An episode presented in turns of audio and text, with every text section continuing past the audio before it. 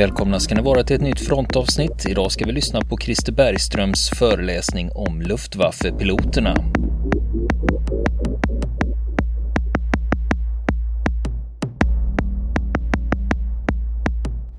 Eh, jag har haft ett antal Luftwaffe-helger.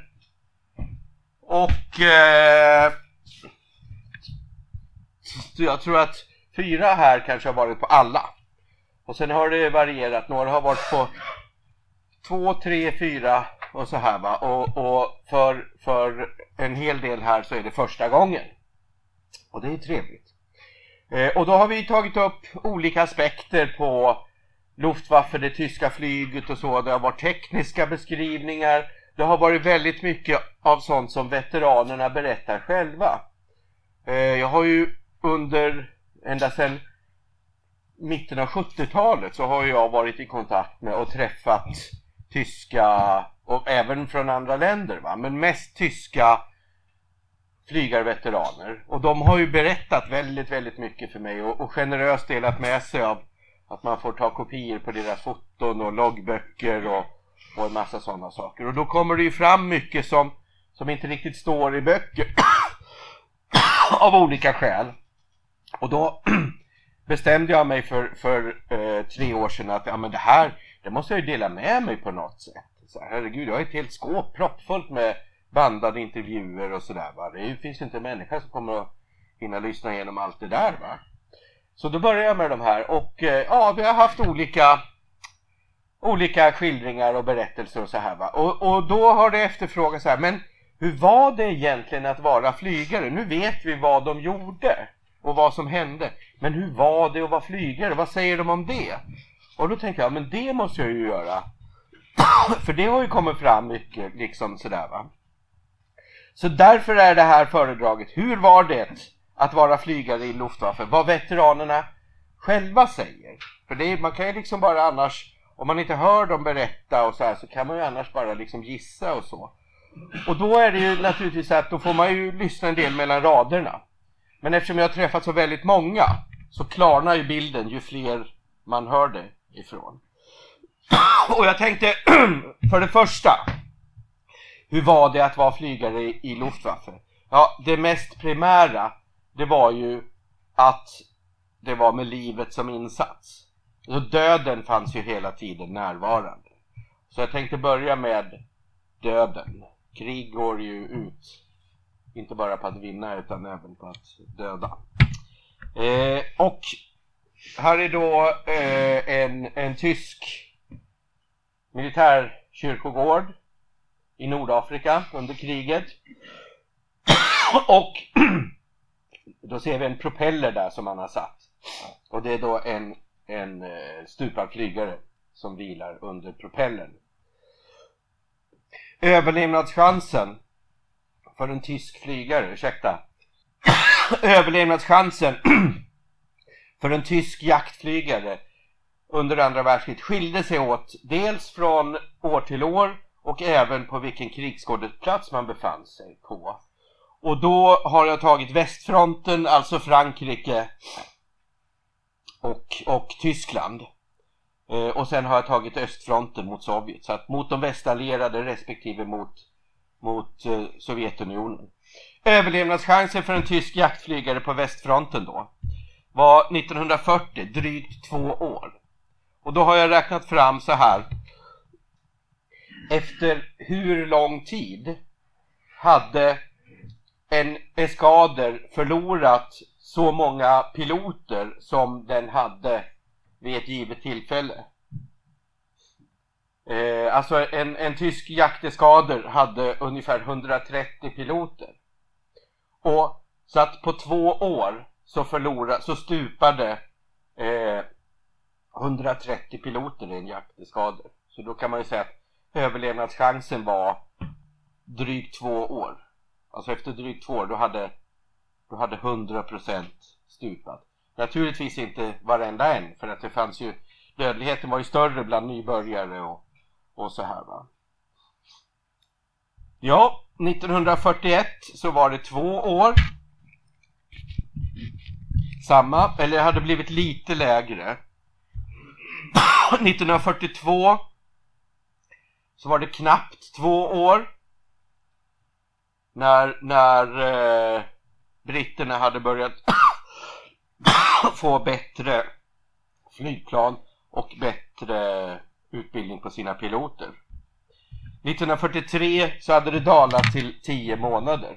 Och det var då när amerikanerna kom med stora formationer med, med fyrmotoriga bombplan, flygande fästningar och Liberator som, som hade tunga 12,7 mm kulsprutor riktade åt alla håll. Det fanns alltså ingen död vinkel. Som, och så flög de i täta formationer. Så att de tyska jaktflygarna var tvungna att flyga rakt in i spärreld. Och, och många, väldigt många av de här tyska jaktplanen blev ju skadade då. En del blev nedskjutna, men väldigt många blev skadade.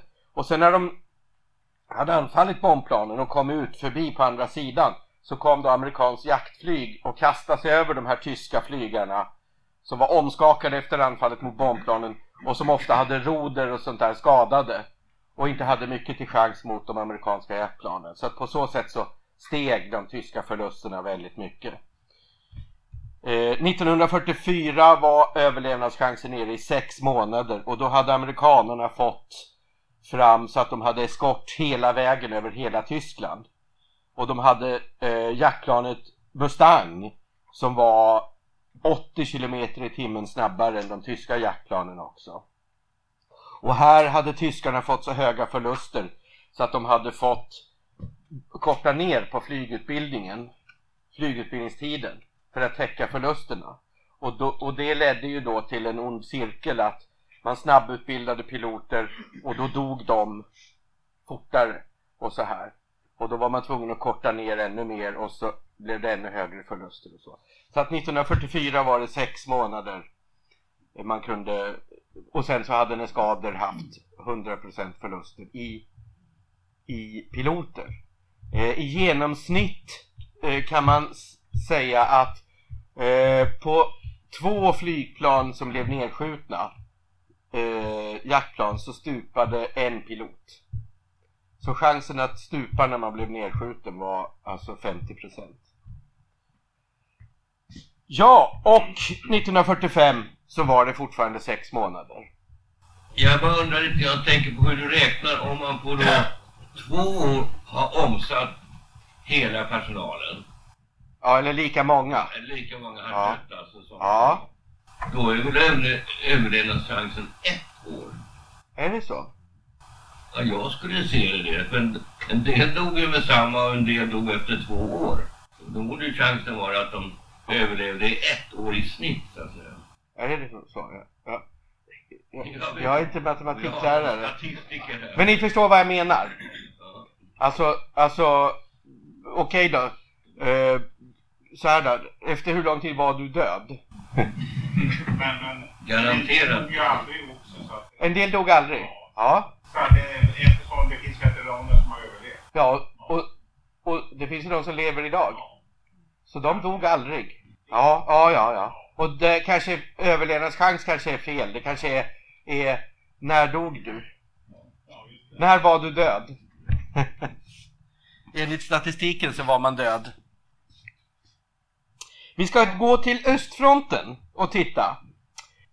Överlevnadschansen för en tysk jaktflygare på östfronten. Här står det då två stycken eh, sovjetiska, jag vet inte om de är piloter, men ryssar på en eh, Messerschmitt 109 som har tillhört eh, Gerhard Barkhorn, flygaresset. Det här är taget eh, på eh, Krimhalvön. Och de fick, eh, de fick lämna kvar sina flygplan där när de flydde därifrån. Och då har ryssarna helt enkelt för propagandan så har de väl antagligen gissar jag vält omkull den här och ställt sig på den. Och, och eh, ja jag skulle också gärna stå på den där vingen posera för en bild ja överlevnadschansen för en tysk jaktflygare på östfronten eller när var du död som jaktflygare på östfronten 1941 två år det var ju då som på västfronten 1942 hade det stigit till två och ett halvt år. Då var det alltså större chans att överleva på östfronten. Och det berodde på att ryssarna hade, precis som tyskarna mot slutet, så fick ryssarna i början väldigt, väldigt höga förluster och var tvungna att korta ner på sin flygutbildning väldigt mycket. Så de hade väldigt mycket riktigt dåligt utbildade piloter. Och därför så var det lättare för tyskarna på östfronten 1942. 1943 började ryssarna knappa in lite och då, då var överlevnadschansen, eller när var du död, ett år och fyra månader på östfronten. Så det var alltså 1943 var det farligare att flyga på östfronten än det var på västfronten 1940-41 och 42. Men 1943 så hade man ju då på västfronten så hade, så hade ju överlevnadschansen eller dödsrisken dödsrisken hade ju alltså kortats ner. 1944, ett år och tre månader. Och här ser man då att ryssarna hade knappat in. Eh, men på västfronten var det sex månader. Sen var det död. På östfronten var det ett år och tre månader. Och en förklaring till det är ju att tyskarna hade sina absolut bästa piloter på östfronten. De absolut mest erfarna var på östfronten. Men eh, det är det ingen pilot, som, veteran som har berättat för mig utan här ska jag berätta vad de, hur de säger och, och så här va. 1945 så var det, hade det gått ner på östfronten till samma som på västfronten, sex månader. Men eh, totalt sett, om man ska addera de här för att få fram något genomsnitt så var ju alltså eh, dödsrisken var större på, på västfronten än den var på östfronten. Eh, skedde det någon rotation mellan öst och västfronten på piloten? En del, ja. En del. Det var inte någon liksom arrangerat så att säga rotation? Ja, ingen... In, i, eh, jo, det fanns en sån men den verkställdes inte fullt ut. Man skulle... Planen var att byta ut JG26 mot JG54 men det fungerade aldrig så bra när västpiloterna kom till östfronten så tenderade de att tro att det var så lätt på östfronten. Och, och för, de gick åt rätt fort. De, de var mindre försiktiga och så på östfronten. Eh, ja. Eh, men orsaken till att det var farligare på västfronten var eh, som jag säger dels att eh, tyskarna hade bättre piloter på östfronten men Günther Rall som flög på både östfronten och västfronten. Det tredje mest framgångsrika flygarreset. Han hade 275 luftsegrar och överlevde kriget. Han sa att huvudorsaken till att vi hade högre förluster i väst var styrkeförhållandena. På väst, i väst så kom amerikanarna med, med 4, 5, 6, 7, 800 eh, sådana här flygande fästningar i täta formationer och med, med 500, 6, 7, 800 jaktplan ovanför. Och tyskarna skulle då sättas in mot dem med kanske 50 flygplan åt gången. Och så skulle de då flyga rakt mot de här och skjuta på dem. Och sen när man kom ut på andra sidan här så hade man roder och sånt skadad av beskjutning och så. Och då fick man på sig hela svärmar av amerikanska jaktplan och så. På östfronten var det ju strider i samband med markkriget. Och där var ryssarna huvudsakligen inriktade på att bekämpa tyskarna på marken med Ilt-2, Sturmovik, attackflygplan och så vidare. Och så hade de jaktplan som skyddade dem och låg lägre ner. Så tyskarna kunde ligga högre upp och anfalla och skjuta ner och sticka därifrån. Och ryssarna kom med, med 20, 10 20 flygplan åt gången. Och tyskarna kom med kanske 10. Och anföll de här då. Så att det var inte alls samma samma styrkeförhållanden. Det var, alltså de västallierade hade mycket större numerär överlägsenhet. Fråga där. En vanlig eh, synpunkt som läste lite om flyghistoria, det var att de allierade flygarna, alltså engelsmän och amerikanerna var bättre utbildade Mm. än de engelska flygarna. Men om man lyssnar på dig, vilket jag har gjort några gånger, så kan man Vänta, nu sa du att de engelska var bättre utbildade än de engelska? Var bättre utbildade än de ryska? Ja. Alltså, alltså, svaret på din fråga är ja och nej. Och kanske. Eh, nej men så här. Ja, precis. Precis, helgardering. Ett, kryss, två. Eh, nej men eh, absolut. Alltså, eh, de bäst utbildade flygarna i början av andra världskriget, det var de tyska. De var absolut bättre än alla andra. Troligen med undantag för japanerna. Som var förmodligen ännu bättre utbildade. Och presterade ännu mer märkvärdigt med ålderdomliga flygplan. Till exempel Mitsubishi Zero. Det var ett, det var ett kast flygplan. Det var inget det var ju som Fokker D21, alltså det var inget märkvärdigt med Mitsubishi Zero som japanerna hade. Japanerna hade så fruktansvärt skickliga piloter. Med 2000 flygtimmar och så här. Men tyskarna var otroligt välutbildade och hade en väldigt överlägsen taktik och bättre flygplan än, än motståndarna. Messerschmitt 109 och Spitfire, det var de två bästa jaktplanen i början av andra världskriget. Och Messerschmitt 110. Men medan britterna hade bara en tredjedel av sina flygplan var Spitfire så var 100% av de tyska jaktplanen Messerschmitt 109 och Messerschmitt 110 världens bästa jaktplan. Och denna överlägsenhet som tyskarna hade gjorde att de kunde överleva. När de överlevde då i två år så överlevde ju inte deras motståndare i två år. Så tyskarna kunde ju ackumulera väldigt mycket erfarenheter. Och framförallt var det på östfronten som de ackumulerade väldigt mycket erfarenheter. Eftersom det var vanligare med strid, luftstrid på östfronten i början. Eh, ryssarna var ju tvungna att korta ner flygutbildningen väldigt mycket. Eh, så att de hade ju piloter som bara, de kallade dem själva för start och landa piloter.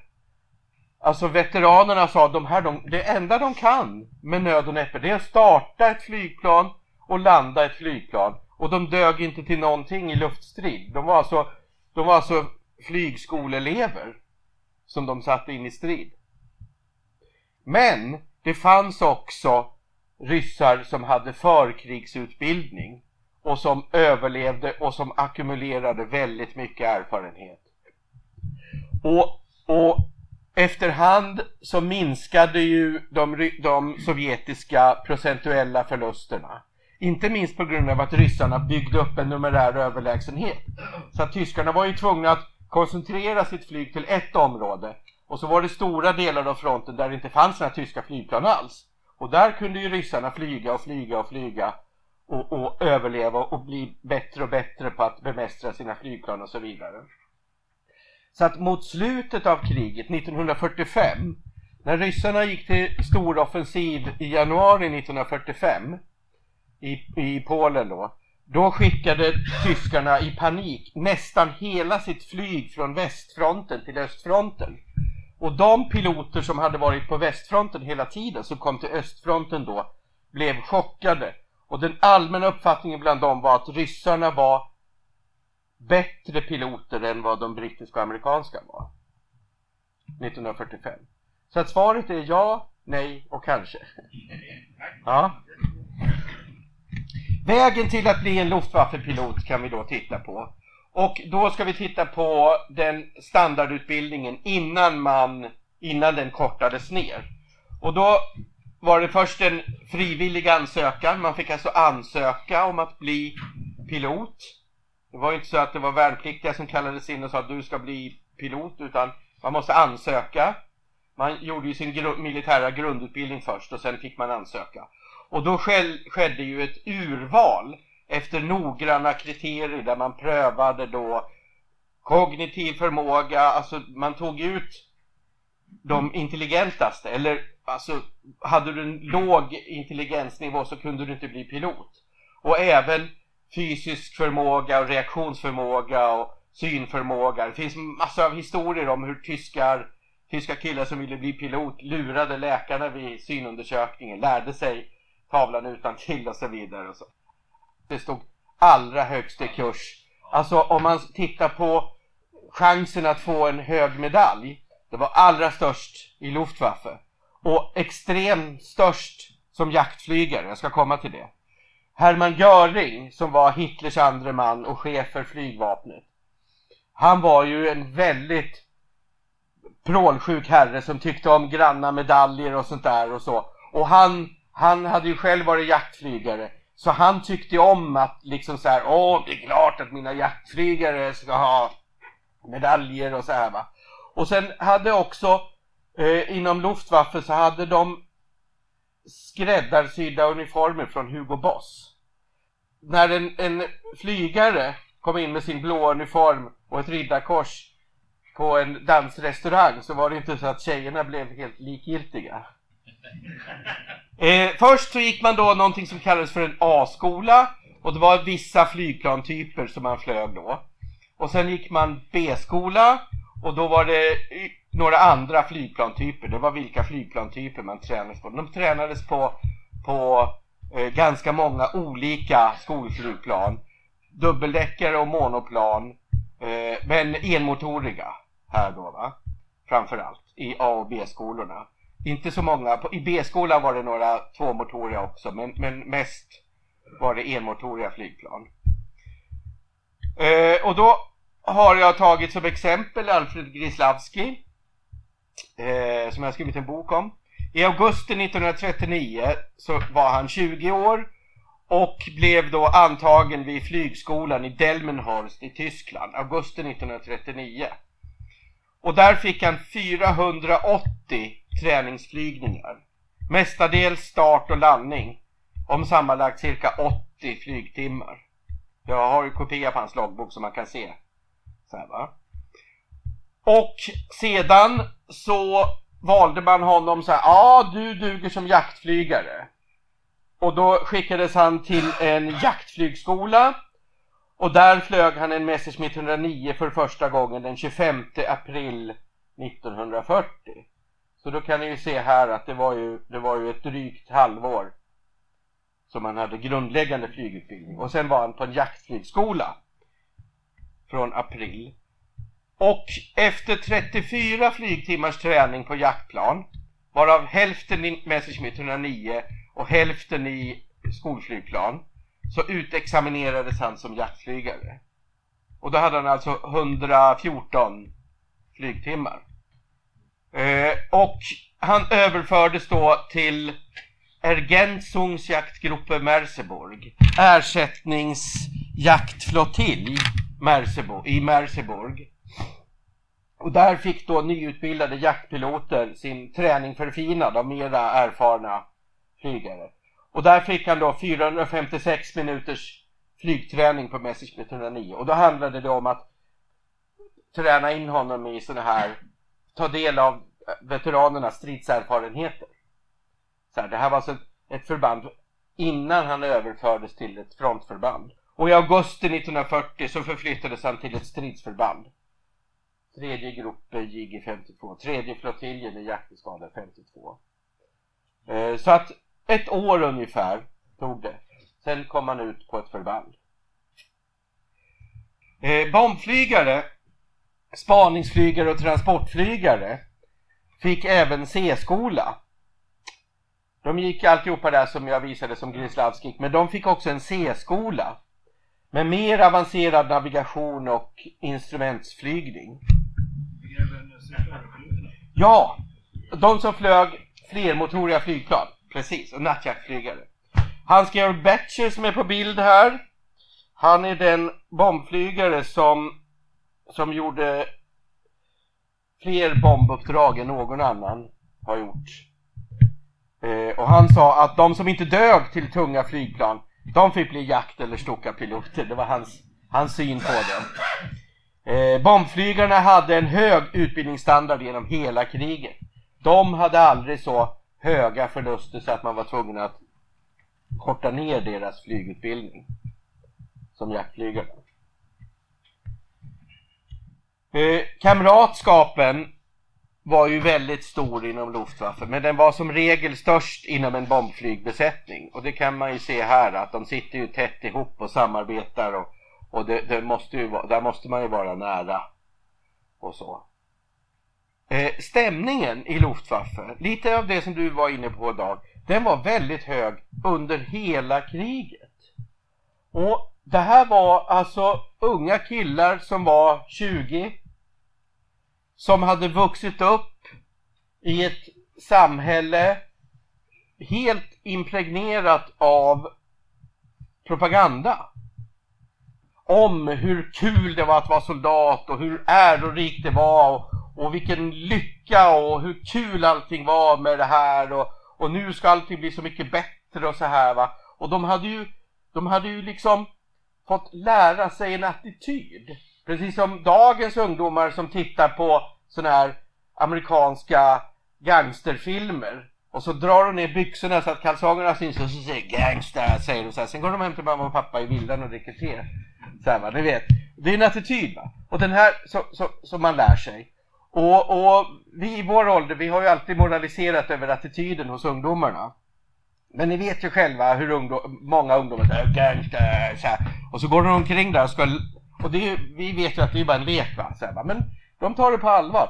Och Luftwaffe-piloterna, de tog den här påbjudna attityden också på allvar. Och stämningen var, det intygar alla veteraner, mycket hög under hela kriget. Och jag ska visa en kort film här som jag tror faktiskt speglar ganska väl. Alltså, ja, den är filmad, den används i propagandasyfte, men de spelar inte utan de är som de är. Och det här är, är liksom en, en, en, ett dokument över hur de var, hur, det, hur, det, hur de upplevde det och så. Och sen så, hela, jag tror att hela stämningen i det här, sen så här, åh nu ska vi starta, ja det ska bli kul och så här, jag, jag tror att det är autentiskt.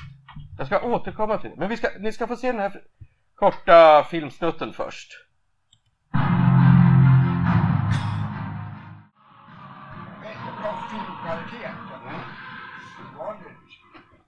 Hans-Eckhard Bob, som var en tysk jaktflygare som flög under hela kriget från 1939 till 1945. Det här är hans eget personliga flygplan som är målat här. Längst fram här och sen syns ett porträtt av honom där. Han sa så här. Vi kände oss så överlägsna våra fiender, alla våra fiender. Vi tänkte att mig kan ingenting hända. De tyckte att de var bättre. De hade fått en bättre utbildning. De hade indoktrinerats av propagandan till att tro att de var bättre. De peppar varann att säga vi är bättre. Vi har de bästa flygplanen. Och de kände sig så överlägsna hela tiden. Och nästa vecka fortsätter vi att lyssna på Christer Bergströms föreläsning om Luftwaffe-piloterna. Vill ni komma i kontakt med oss så kan ni göra det via vår Facebook-sida som heter Fronten. Det är inga problem för er att leta er fram där. Eller också så mejlar ni på vår mejladress och det är frontenpodcast@gmail.com.